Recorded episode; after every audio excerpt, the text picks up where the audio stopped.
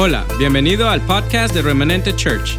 Esperamos que esta palabra te edifique y te inspire a acercarte a Dios. Disfruta el mensaje.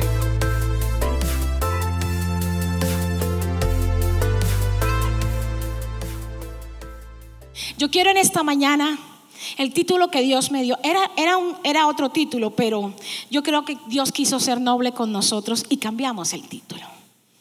Vamos a hablar de el efecto rebaño. Últimamente hemos escuchado esa palabra, ¿verdad? El efecto rebaño.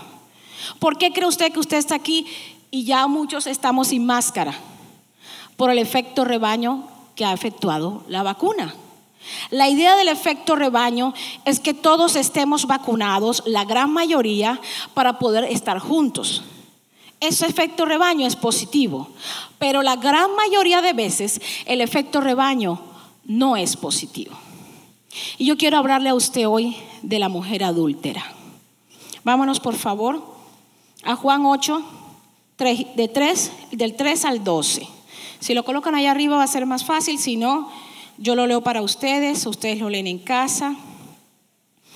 No se le olvide el efecto rebaño.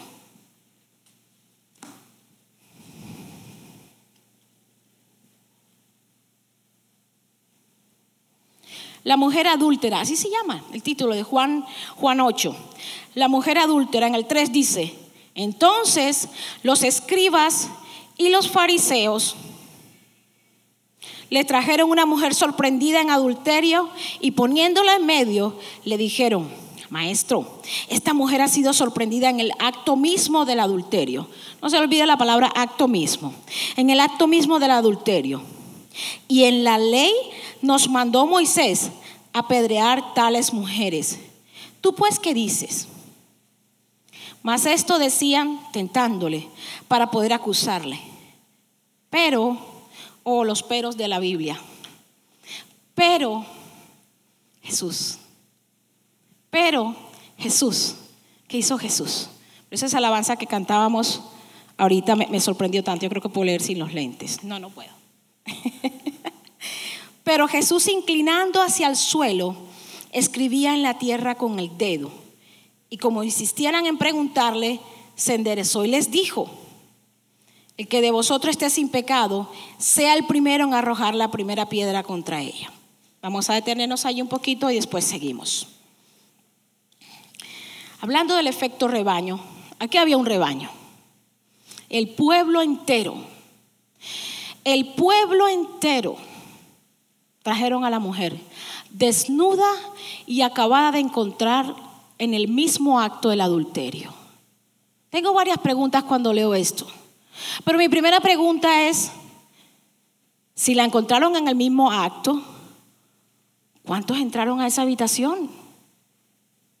Porque ahí dice, todo el pueblo la trajo. Y le dijeron, maestro, la encontramos en el mismo acto de adulterio. Y aquí todos los que estamos, ya todos los niños se fueron. Yo creo que todos sabemos lo que puede pasar en un cuarto para que suceda un acto de adulterio. Pero todo el pueblo no pudo entrar ahí. Entonces hubo un efecto rebaño. Alguien la vio y alguien empezó a hablar. Tal vez dos la vieron y empezaron a hablar. Y empezó a crearse el efecto rebaño. Y en un momento a otro, todo el pueblo dijo, la encontramos en el acto. Eso no fue así. Solo ella, con su pareja y con los otros dos, tres personas que supieron, fueron testigos de eso. Pero se surgió el efecto rebaño. La segunda pregunta que tengo que hacer, si a ella la encontraron en el mismo acto, ¿dónde dejaron al caballero que estaba con ella? ¿Dónde lo dejaron? Porque para un adulterio se necesitan dos. Pero ¿sabe el diablo? Que nosotras las mujeres hay un poder de reproducción de ideas, de autoridad, de ayuda, de santidad, de oración. Por eso desde Génesis, Satanás viene persiguiendo a la mujer y se crearon leyes y se crearon formas y se crearon. El efecto rebaño nos enseñó a todos culturalmente que era malo que un hombre fuera infiel, pero era terrible que una mujer lo hiciera. Entonces, aún en esta sociedad tan adelantada, Cuando una mujer es sorprendida en adulterio, normalmente el matrimonio se acaba y todo el mundo la rechaza. Pero cuando el hombre es sorprendido en adulterio, se le puede perdonar. Porque hay niveles. No, todos somos iguales. Era el mismo pecado, pero trajeron solo a la mujer. Pero cometieron el gran error, el gran error de traerla a Jesús. Se equivocaron de juez. No importa lo que la humanidad haga, la inclinación de Jesús hacia obedecer al Padre nos libera del pecado. Ahí estaba esa mujer, desnuda, y era verdad, la ley decía, hay que apedrearla. Empezaban a tirarle piedras a la cabeza hasta la que persona caía desnuda e inconsciente y avergonzada la mujer. Y después que estaba inconsciente, seguían apedreándola tanto hasta que la sepultaban en piedras. No se deje sepultar por el efecto rebaño. Usted sabe que la murmuración es una piedra. Cada vez que usted y yo murmuramos, tiramos la piedra. Y entonces, si usted no murmura, la murmuración se queda ahí. El, cuento, el chisme, el problema se queda ahí. Pero si dos y tres se reúnen con usted y usted murmura, esos tres se multiplican y cuando vienen a ver es una comunidad creyendo algo, reclamando algo. Está pasando ahora mismo en Colombia. Es verdad, hay jóvenes, hay autoridades que están peleando por un derecho, pero el 70% de los demás gritan, pero no saben cuál es la razón del, problema. No tienen ni idea, pero es el efecto rebaño. Usted quiere conseguir algo, empieza a divulgarlo. Usted quiere, mire, lo hicimos hace poquito, hace seis meses, decidimos que toda la comunidad de Prince William supiera de parrandos. Y empezamos a crear el rumor. Pronto abriremos. Empezamos a colocar palabras. El efecto rebaño funciona. Pero usted y yo estamos llamados a salirnos del rebaño que apedrea lo que Dios ha creado. Lastimosamente la iglesia del Señor tiramos muchas piedras. ¿Y usted sabe a quién más se le tiran piedras? Cuando llevan a esta mujer delante de Jesús, y ahí lo dice, lo llevaron fue para tentar a Jesús. Ellos sabían que la habían encontrado adulterio y que tenían todo el derecho a apedrearla pero fueron a Jesús con la intención de tentar a Jesús.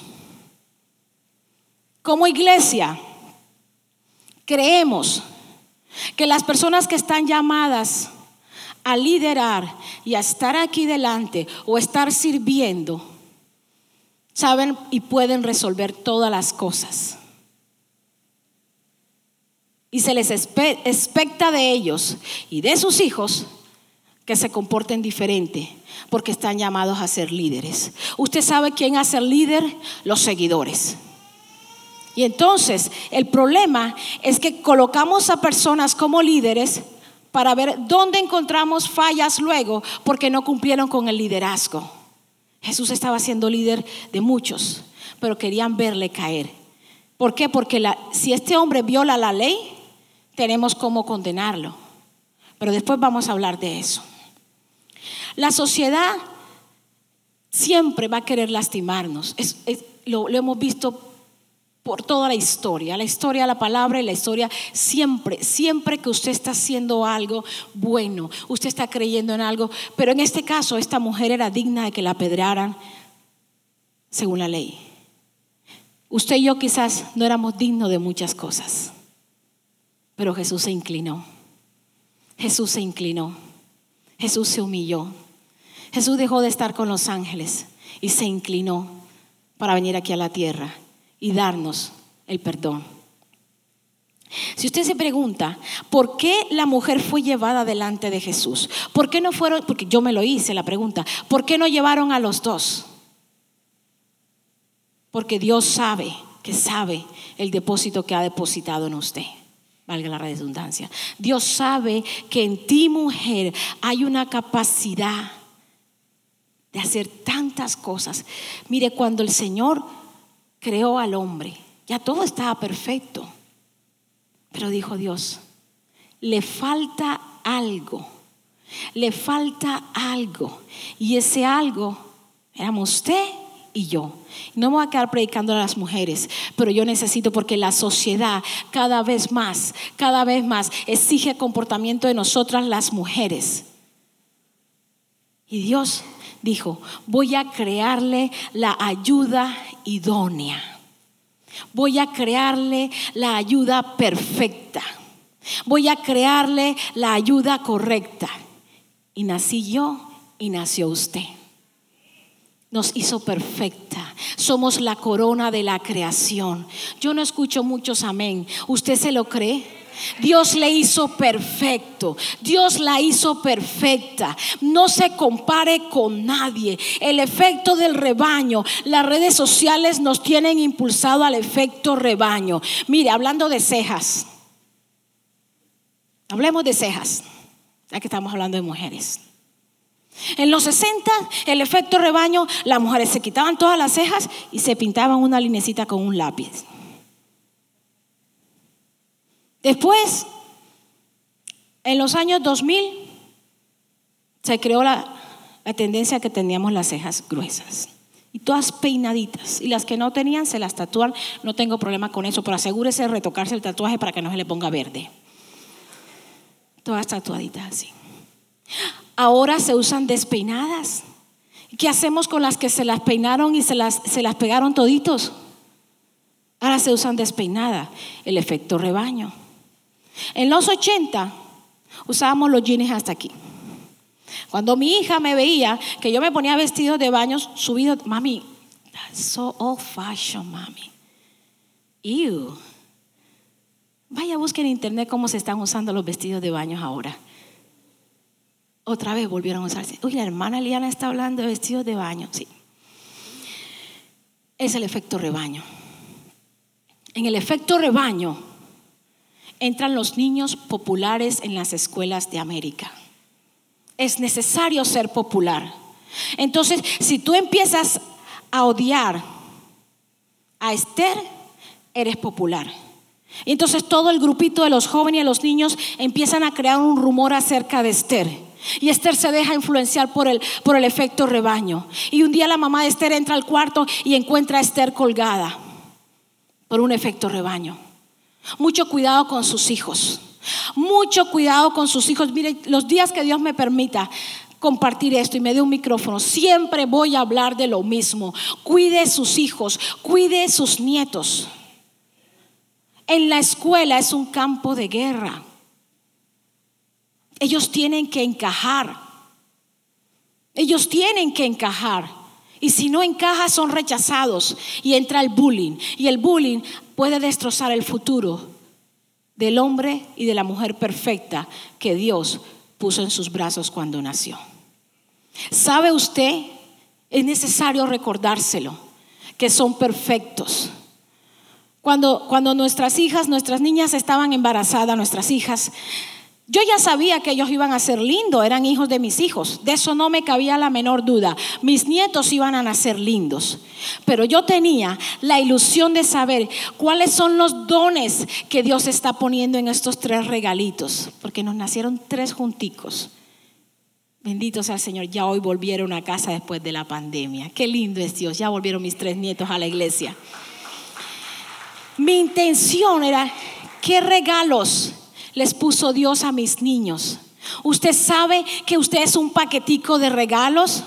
No es el paquetico que llegó.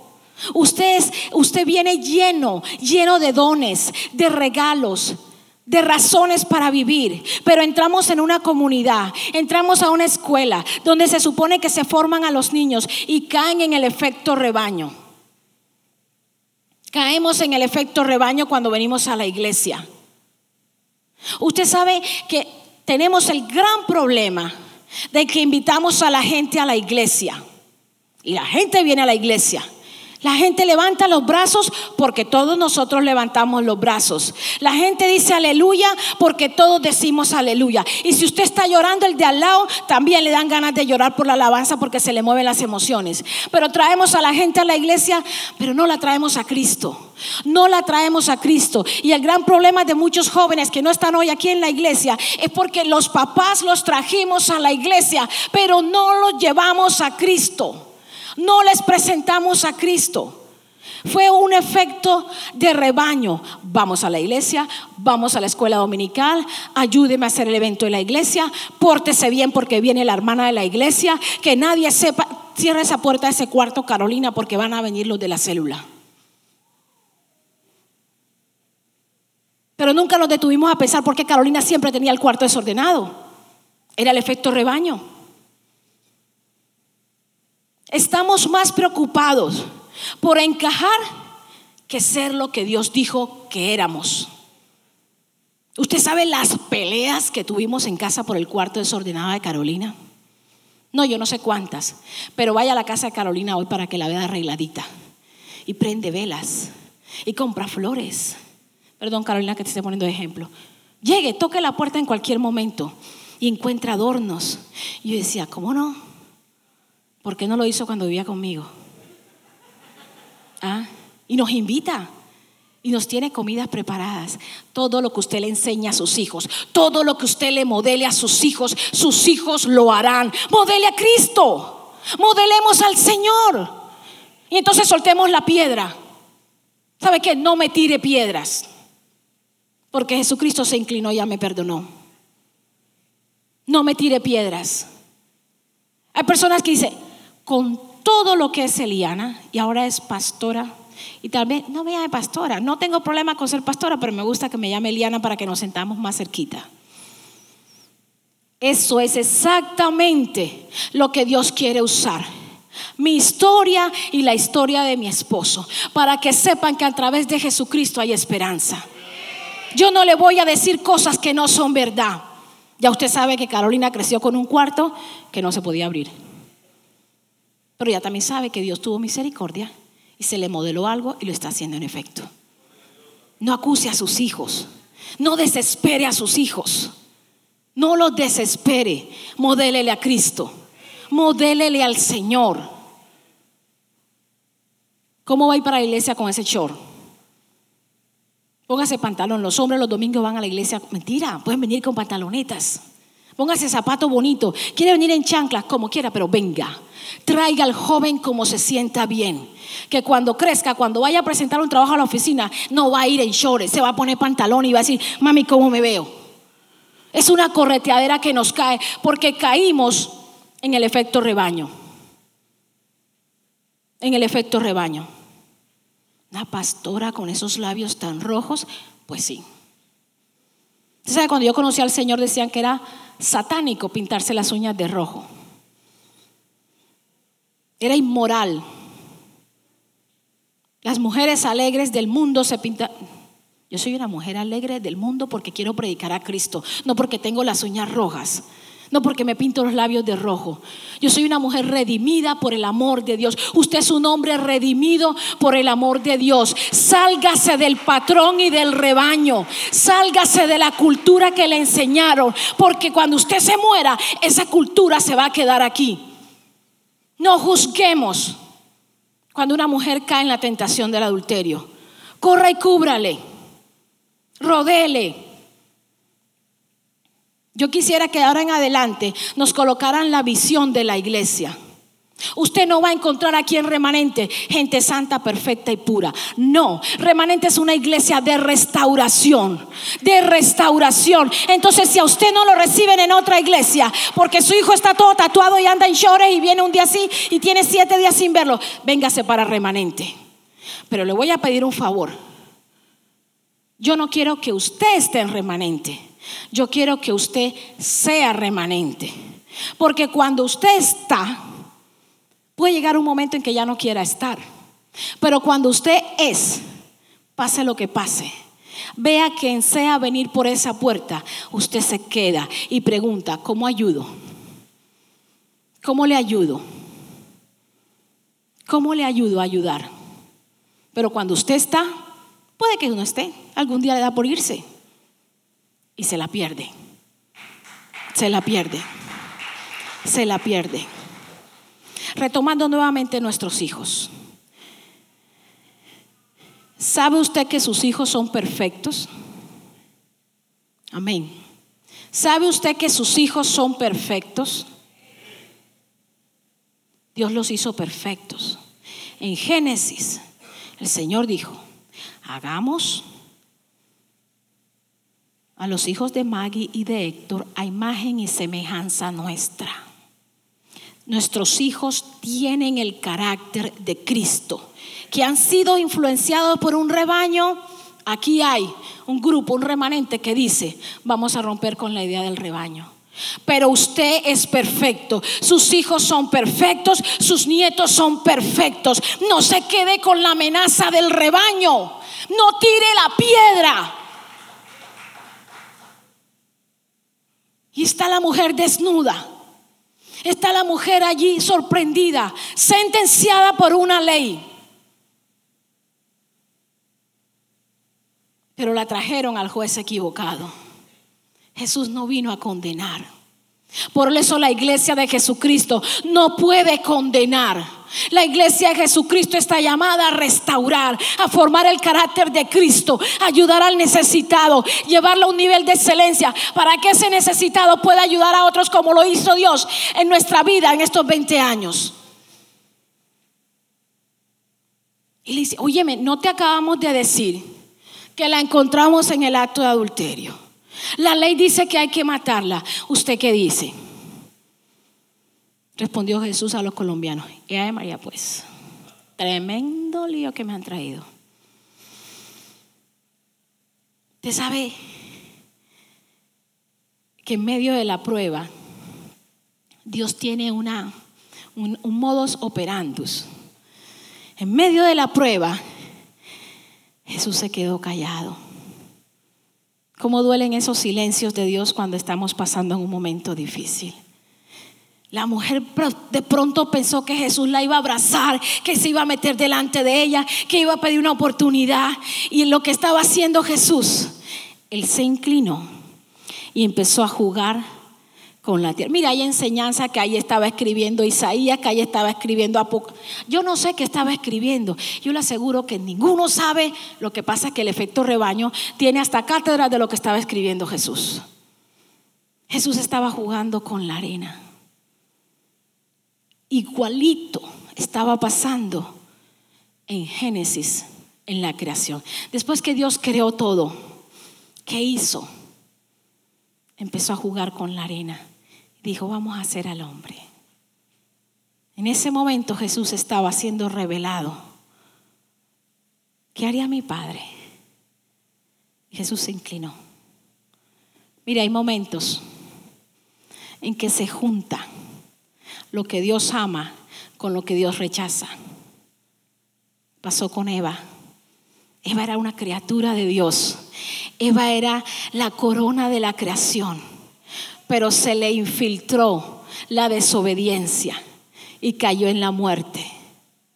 Y entonces Dios no podía exterminar a Eva porque la amaba, pero estaba fusionada con el plan de Satanás. No podemos nosotros sentenciar a una persona porque Satanás se infiltró en su vida. Porque si no lo hizo, Dios en Génesis y no lo hizo Jesús delante de la mujer de adulterio. ¿Cuál es nuestro derecho a hacerlo? ¿Cuál es nuestro derecho a hacerlo? No, a la casa de esa señora yo no dejo que vaya a mis hijos porque esa señora una vez le fue infiel al esposo, el esposo la dejó, eso mejor que no vayan para allá. Entonces, como sus hijos no van para allá, usted no puede llegar a hablar de Cristo allá. Cuando huele a feo la casa, ¿usted qué hace? Oh, no, a ninguno le huele a feo la casa. Cuando usted frita pescado, ¿qué hace? O chicharrones. Prende una velita, ¿verdad? Abre la puerta. Pues sea usted la luz donde huele mal y sea usted la puerta que se abre donde huele mal. Dejémonos usar por Dios. Yo voy a volver a mis notas. La mujer le falla a la ley. Es más fácil fallarle a Dios que fallarle al hombre. Cuando usted le falla a Dios, usted sabe que va a encontrar misericordia. Pero cuando usted le falla al hombre, usted va a encontrar piedras. Si usted va a fallarle a alguien, fállale a Dios. Trate de no fallarle. Porque el hombre, mire, la misericordia que yo necesito para mí, para mi casa, para mis hijos, para mis, para, para mis memorias, es la misma misericordia que usted necesita para su casa, para sus hijos y para toda su historia. Entonces, ¿por qué podemos volvernos el efecto rebaño y condenar a alguien? Porque lo encontramos en un acto que puede dañar la historia de muchos. No podemos ser jueces cuando hemos sido llamados a ser restauradores. Usted sabe que los jueces no restauran, ellos condenan. Ellos condenan, ellos no restauran. Usted y yo podemos llegar a ser jueces, pero que la justicia de Dios sea nuestro instrumento para juzgar y darle la oportunidad a otro. La conversión de esta mujer, mira ahora, cuando el Señor dice, a mí sí me gusta esto y lo compartí el viernes.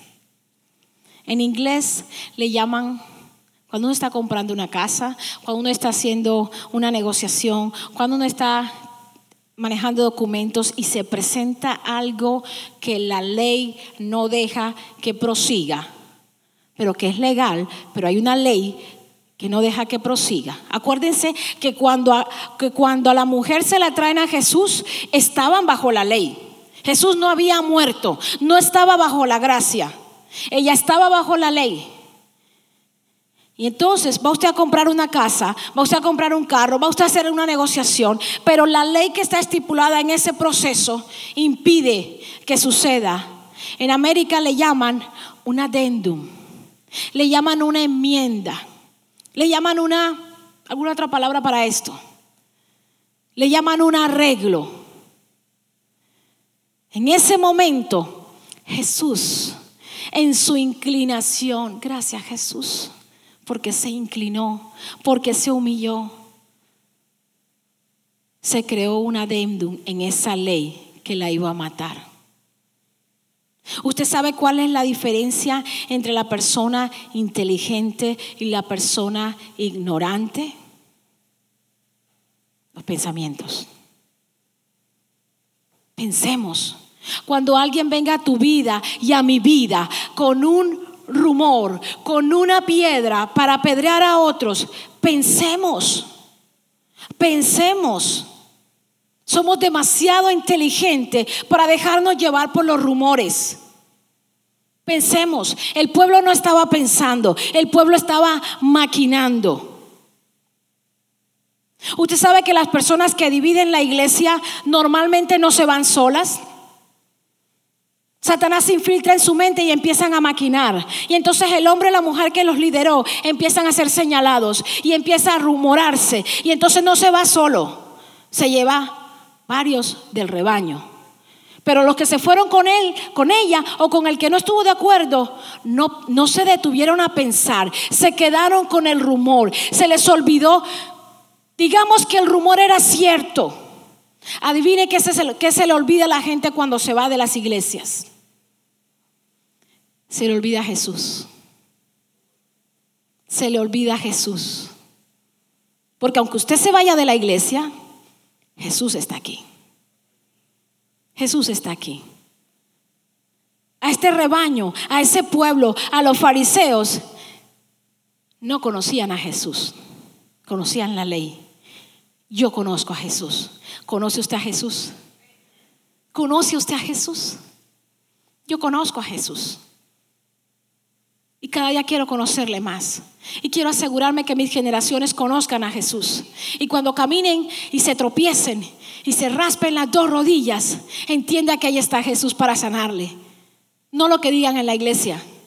no lo que piense la sociedad, no lo que piense el resto de la familia, porque lastimosamente las familias son los primeros en juzgar. Seamos formadores de hombres y de mujeres con el carácter de Cristo con el carácter de Cristo. Entonces cuando usted le vengan a hablar mal de un lugar que le ha alimentado, de un lugar que le ha bendecido, de un lugar que lo ha llevado a un nuevo nivel, de un lugar que le ha dado documentos, de un lugar que le ha dado prosperidad, de un lugar que le ha dado nombre, de un lugar que le ha dado a conocer la gente que se llevó, usted diga, espérate, ahí está Jesús y yo quiero pensarlo. Ahí está Jesús, yo quiero pensarlo. Porque no se trata de este edificio. Hay iglesias más bonitas. Hay lugares más grandes. Hay alabanzas mejores. Hay pastores con mejor palabra. Pero ¿y el propósito? ¿Para qué te trajo Jesús a remanente? Si usted no lo sabía, yo se lo voy a decir. Lo trajo para restaurar su familia. Lo trajo para restaurar a los suyos. Lo trajo para formar a sus hijos. Lo trajo para prosperarlo. Lo trajo para bendecirlo. Si no, pregúntele a Michelle y a su esposa.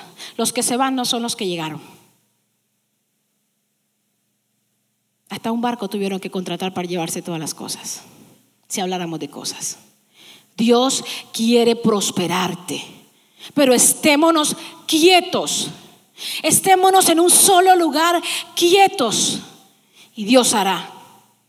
Dios hará. Quedémonos en un lugar quieto. El efecto rebaño siempre va a murmurar. Pero Dios usó a Jesús. Y leámoslo. Leámoslo. Y dice, oh, oh.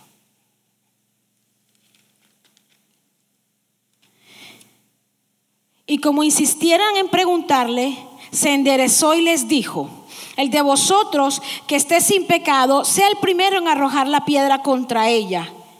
¿Qué hizo Jesús?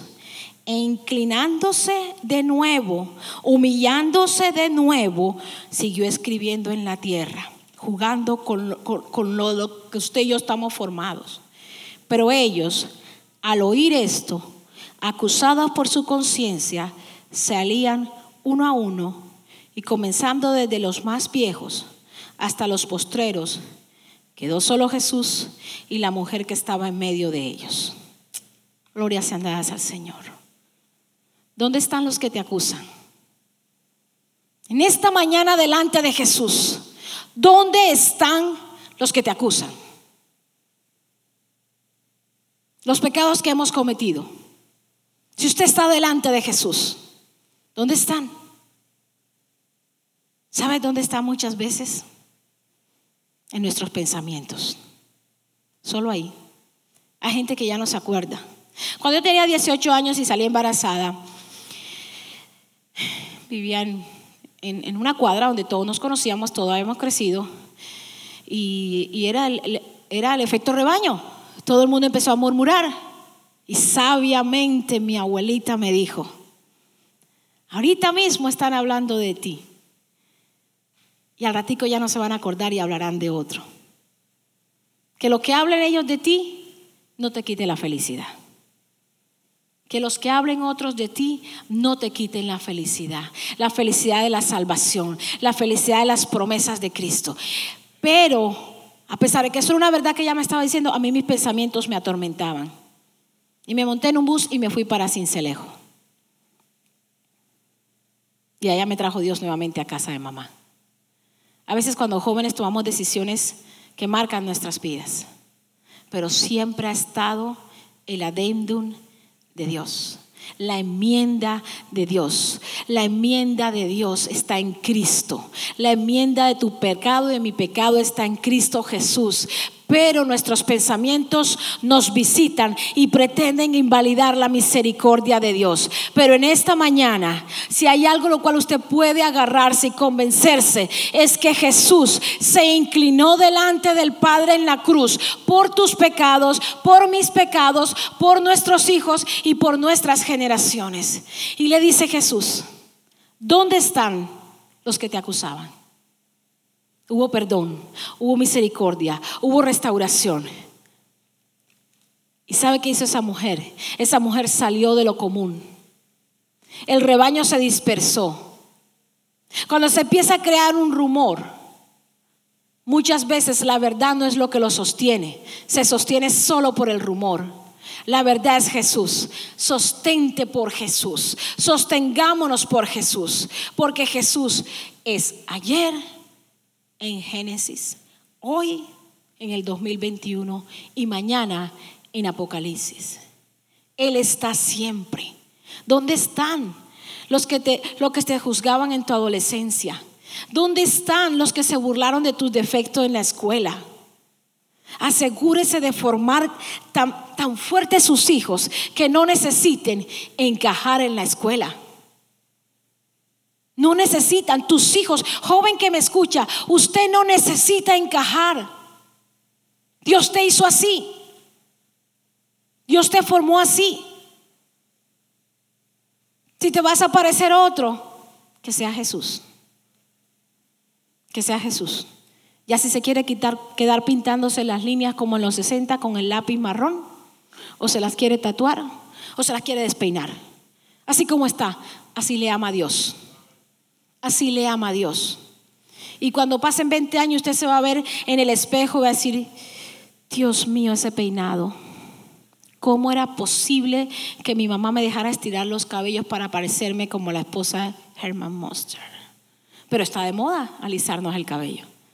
Pero ahora nos vemos en las, fotos de los 80 con el peinado de Alf y uno dice, nadie tuvo misericordia a mí decirme, no se peine el copete así, esto aquí así parado.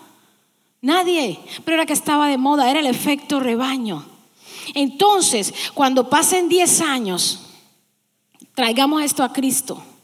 ¿De verdad yo lloré tanto por eso? ¿De verdad me encerré a llorar por eso? ¿De verdad me hacía yo el copete de Alf? Sí. De verdad estaba para las mujeres. Hace 10 años nos veíamos en una foto y no nos gustábamos. Ay, no, mira como que en esa foto, no, no, no. Y ahora nos vemos, uy, cómo estaba yo delgada y de linda en esa foto. Aproveche el momento. Porque dentro de 10 años usted le va a gustar cómo se ve hoy. Lo mismo los hombres. No, no, mira qué cantidad de pelo tenía yo en esa foto. No tenía ni canas.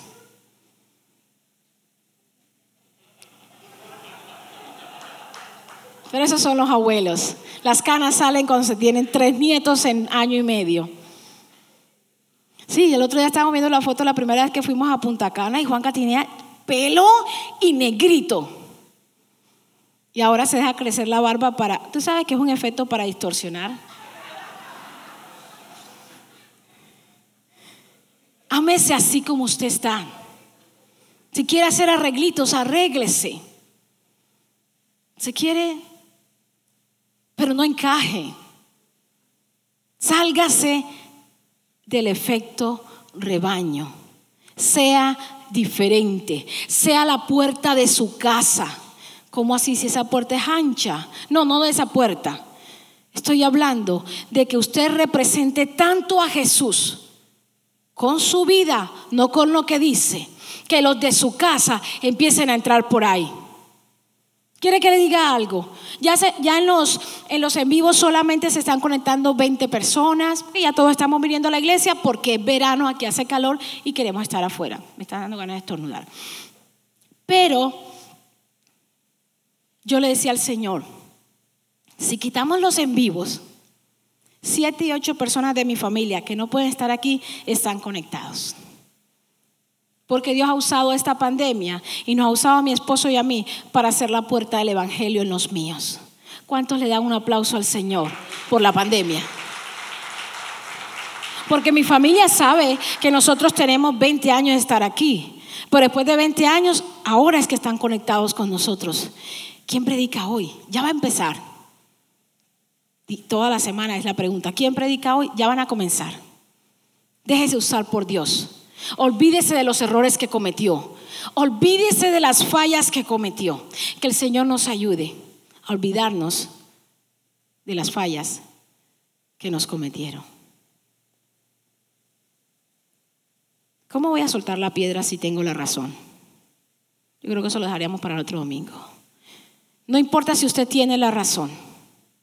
No importa si usted tiene la razón. Soltemos la piedra. Ni más si la tiene en el zapato, porque caminar con, con una piedra en el zapato duele mucho. Se avanza menos.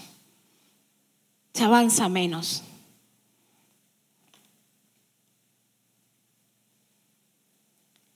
Enderezándose Jesús y no viendo a nadie sino a la mujer, le dijo, mujer, ¿dónde están los que te acusaban? Ninguno te condenó. Ella dijo, ninguno. Diga ninguno. Ninguno. Ninguno va a condenar a mis hijos. Pero dígalo con autoridad. Ninguno va a condenar a mis hijos. Ninguno va a condenar a mis nietos. Independientemente de los errores que hagan tus hijos y usted y yo nuestros nietos. No hay nadie que tenga derecho a condenarnos. La ley decía que había que apedrearla. Era verdad. Allá le encontraron dos, pero esos dos se lo contaron a todo el pueblo y de todo el pueblo dijimos, entramos todos en el cuarto y ahí estaba ella con el Señor, que no era su Señor. Eso fue un rumor.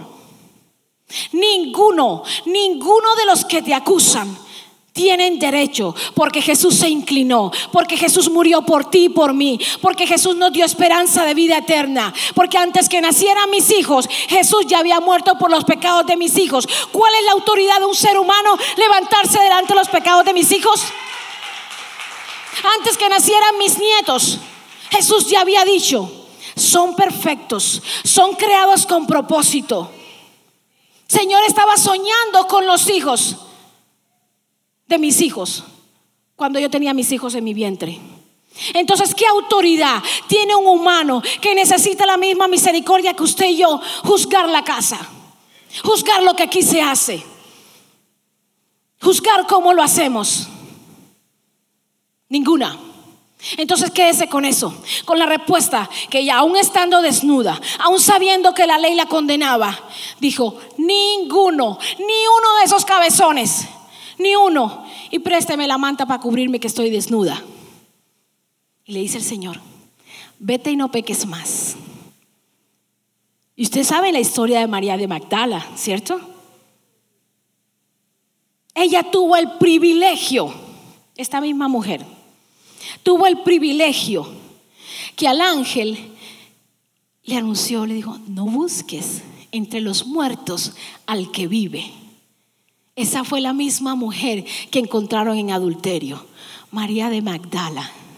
Ella es la prostituta, ella es la adúltera, como la conocía el pueblo. Pero como la conocía Dios? Como la anunciadora de que Jesucristo resucitó. ¿Cómo te conoce la sociedad? Como la puerta para donde muchos puedan mirar y decir, por ahí hay salvación. Ahí huele a Cristo, ahí huele a esperanza, ahí huele a libertad, ahí huele a restauración. ¿Dónde están los que te acusan? ¿Cuántos quedaron? ¿Cuántas piedras quedaron? La próxima enseñanza yo la voy a llamar Suelta la piedra. ¿Cuántas piedras quedaron en el cuerpo de ella? Ninguna. Pero todas esas piedras y ese evento que Satanás quiso usar contra ella se volvieron la plataforma para ella levantarse y decir, úsame Señor. No me canso de decirte, ¿dónde estás? Sea cual sea tu situación, es la plataforma exacta y perfecta que Dios quiere usar para transformar tu vida y ser de bendición a muchos, para crear tu negocio, para crear tu empresa. Porque si a ella no la encuentran en el adulterio y no la traen delante de Jesús, no sucede ese encuentro. Esa situación deshonrosa delante de la ley de los hombres fue exactamente lo que Jesús usó. ¿Cuál es tu situación ahora? ¿Cuál es la situación de tu hijo y de tu hija? Eso va a usar Dios. Dios no está buscando casas perfectas, Dios está buscando casas dispuestas dispuestas. La casa perfecta nos está esperando en el cielo y el Señor Jesús dijo, porque están mirando hacia arriba? Yo voy a mandar el ayudador, pero yo me voy a ir a preparar una morada perfecta y me llevo un vinito debajo del brazo porque allá arriba vamos a tomar vino. El Señor lo dijo. El Señor lo dijo. Ah, yo no quería decir esto, pero yo No, no lo voy a decir. El Señor lo dijo. No voy a decir lo que iba a decir, pero sí esto. Tomad el vino y comer el pan. Porque la próxima vez que usted y yo tomemos vinos va a ser en el cielo, en la boda del Cordero. Dele un aplauso al Señor. Dele un aplauso al Señor.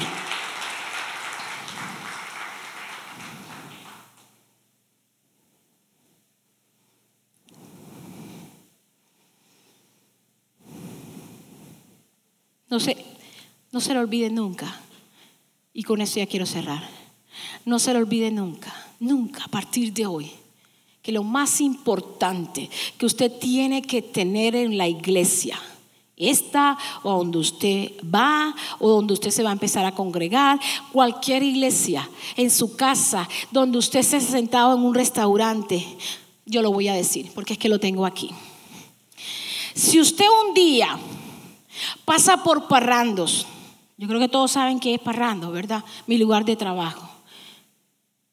Y me ve sentada con un jugo de limón a las rocas con sal y jalapeño. No se confunda conmigo. No se vaya a confundir conmigo. Yo soy lo que soy porque Dios me ha amado. Hay gente que dice, ¿cómo es posible que ellos puedan estar enseñando si en el negocio de ellos se venden margaritas? El día que yo me despierte y mi esposo se despierte y el Señor nos diga, no se vendan más margaritas, le aseguro que no vamos a vender más margaritas. Pero le quiero decir, y no le estoy diciendo que se vaya a emborrachar tomando margaritas, porque el Señor Jesús no se emborrachó tomando el vino y el pan. El día que el Señor Jesús nos diga a nosotros, no va a encontrar más margarita en parrandos. Porque esas margaritas que se venden, esas margaritas la ha usado Dios para bendecir familias en El Salvador, en Honduras, en Guatemala, en Colombia, en Ecuador, en Perú, en Bolivia. Muchas casas se están construyendo. Muchos niños están yendo a la escuela por los hombres que trabajan en parrando y ponen el giro semanal. Le aseguro que el día que Dios quiera cerrar parrando, Dios seguirá bendiciéndonos. Porque no es lo que hacemos, es lo que somos. Si hay algo que yo puedo tener, se llama convicción de que Jesús me amó, de que Jesús me perdonó, de que Jesús me ha dado un negocio para bendecir las naciones. ¿Dónde están los que te señalan? ¿Dónde están? ¿Dónde están? La primera vez que prediqué aquí, prediqué en pantalones. ¿Dónde está la que me señaló? Yo sigo aquí haciendo lo que Dios me llamó. Y oro a Dios que usted pueda predicar el Evangelio. Usted pueda hacer de bendición a muchos. Oye, soy vestido. ¿Dónde están los que te señalan? ¿Dónde están los que señalaron a esa niña de 18 años que salió embarazada? Por las cuales mi madre derramó lágrimas. ¿Dónde están? Yo le puedo decir dónde están. Muchos de ellos están ahí conectados viéndome. Yo le puedo decir que a muchos de ellos mis hijos les están bendiciendo financieramente. La gloria sea para el Señor. Yo les dejo esta mañana con este pensamiento. Tenga la convicción plena de Jesús en su vida. Tenga la convicción. Esa mujer se agarró de aquel que no la condenó. Y si Jesús no la condenó, no la condena nadie. No te dejes condenar por el efecto rebaño. Usted no pertenece a un rebaño. No somos las ovejitas detrás del pastor. No, Señor. Somos un cuerpo de Cristo redimido. Somos reyes y sacerdotes. La oveja huele mal y la oveja cuando no la motilan es así de gorda, no para de comer. No tiene guía, no tiene dominio propio tiene que ser llevada, coma aquí, pare aquí, duerma aquí, reproduzcase así. Y los hijos de la oveja tienen que ser ovejas igualitas. No podemos encajar a nuestros niños y a nuestros jóvenes con la iglesia de los 80. No van a querer venir aquí. No les gusta. Las alabanzas de los 80 no les gusta. ¿Te gusta la guitarra de Juancho? ¿Te gusta la percusión de Chad?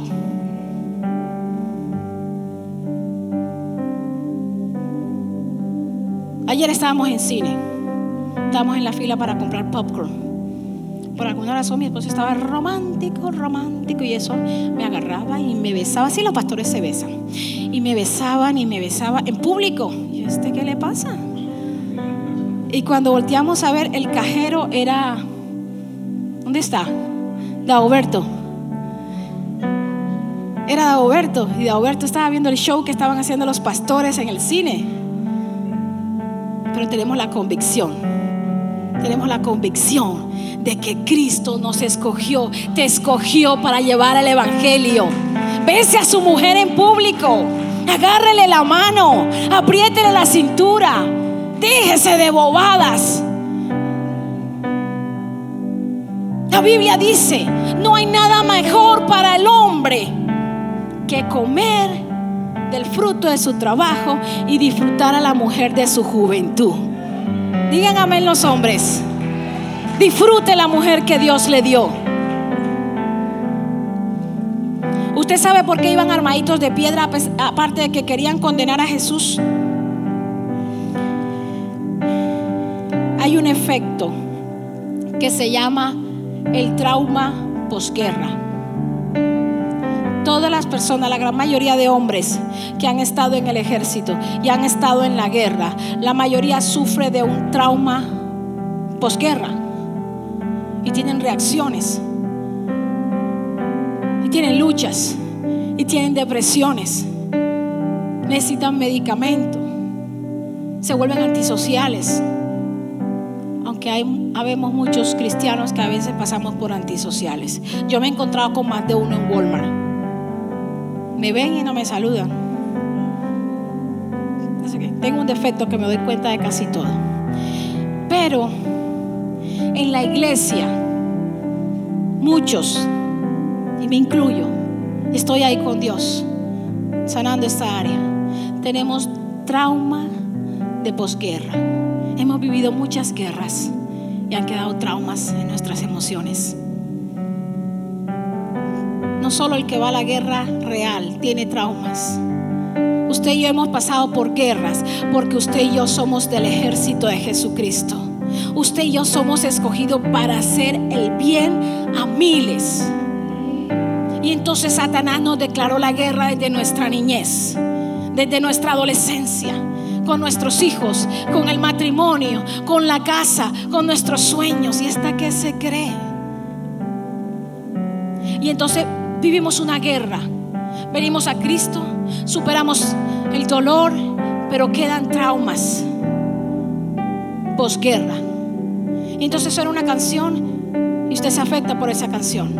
Son botones que detonan emociones. Usted pasa por un lugar y se acuerda. Usted se encuentra con una persona y se acuerda. Entonces es necesario venir al Padre y decir, Señor, sáname los traumas de las guerras que he vivido. Déjame vivir con la convicción de que soy una sobreviviente de la guerra para darle libertad a muchos a través de Jesús. ¿Por qué no se murió en la guerra? Porque Dios quería que Dios necesita de veteranos de guerra. Yo soy una veterana de guerra. ¿Es usted un veterano de guerra? Póngase de pie, por favor. ¿Cuántas guerras has luchado? ¿Cuántas guerras? Usted sabe que las personas que, han pasado por el COVID y se vieron muy delicadas duran casi seis meses afectados del sistema nervioso y se sientan en cualquier lugar y empiezan a llorar. Vivieron una guerra con la muerte. Sus emociones le decían, te puedes morir. Y el cuerpo le decía, te estás muriendo. Pero Jesús decía, yo quiero darte vida. Yo quiero seguirte usando. La hermana Molina el año pasado, antepasado, vivió al borde de la muerte pero Dios le dijo, no es el tiempo. Y aquí los tiene el Señor. Aquí los tiene el Señor. La iglesia los necesita. No corran con el rebaño. La iglesia los necesita. Ustedes son testimonio de que cuando Dios tiene planes con una pareja, hace lo imposible. Necesitamos hombres que hayan sido sobrevivientes de guerra Necesitamos hombres, como dicen en Colombia, berracos, que se atrevan a pararse en el frente y decir, cuente conmigo. que llamen a Juan Carlos y decía, cuente conmigo, cuente con mi casa, cuente con mi oración, cuente con mi fidelidad. No necesitamos hombres que vengan a remanente, necesitamos hombres que sean remanente. Que sepa que hay un muchacho que está cayendo en la droga y diga, ¿sabe qué? Compadre, oremos. Oremos que ese muchacho no se lo va a llevar a Satanás. Oremos. Oremos que esa niña no se va a perder. Pero la iglesia anda con una piedra. A ver a quién le tiró la piedra. Suelte la piedra. Ahí lo dejo con la enseñanza el próximo domingo. Padre, en el nombre de Jesús, yo oro con la autoridad de Jesucristo que todo trauma en la mente por las guerras vividas se sana de raíz Tú eres la medicina, Jesús. Tú eres la esperanza del mundo. Tú eres, oh Señor, nuestra única esperanza. Padre, yo declaro en el nombre de Jesús que se crea una convicción que Dios te trajo esta mañana para hablarte. Se crea una convicción que no te perdiste en el camino. Que no te perdiste cuando casi te mataban. Que no te quedaste en la prisión porque Dios tiene planes contigo. Esfuerce a sus hijos. Levante a sus hijos temprano, aunque sea mirar el sol. Forme a sus hijos como hombres y mujeres de templanza. Porque si usted no forma a sus hijos, el mundo, que es un rebaño de dolor. Usted sabe que cuando un joven está preso, a las 5 de la mañana lo despiertan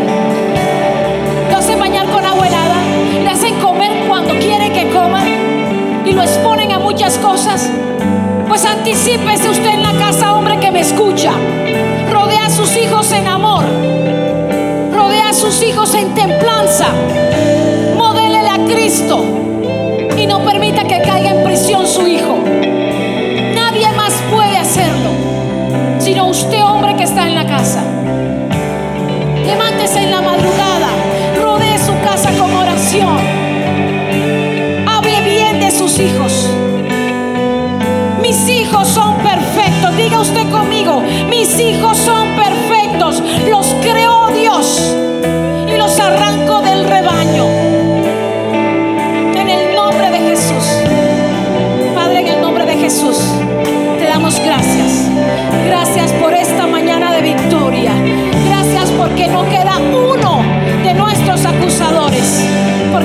Jesús solo que me acuse de mi pasado.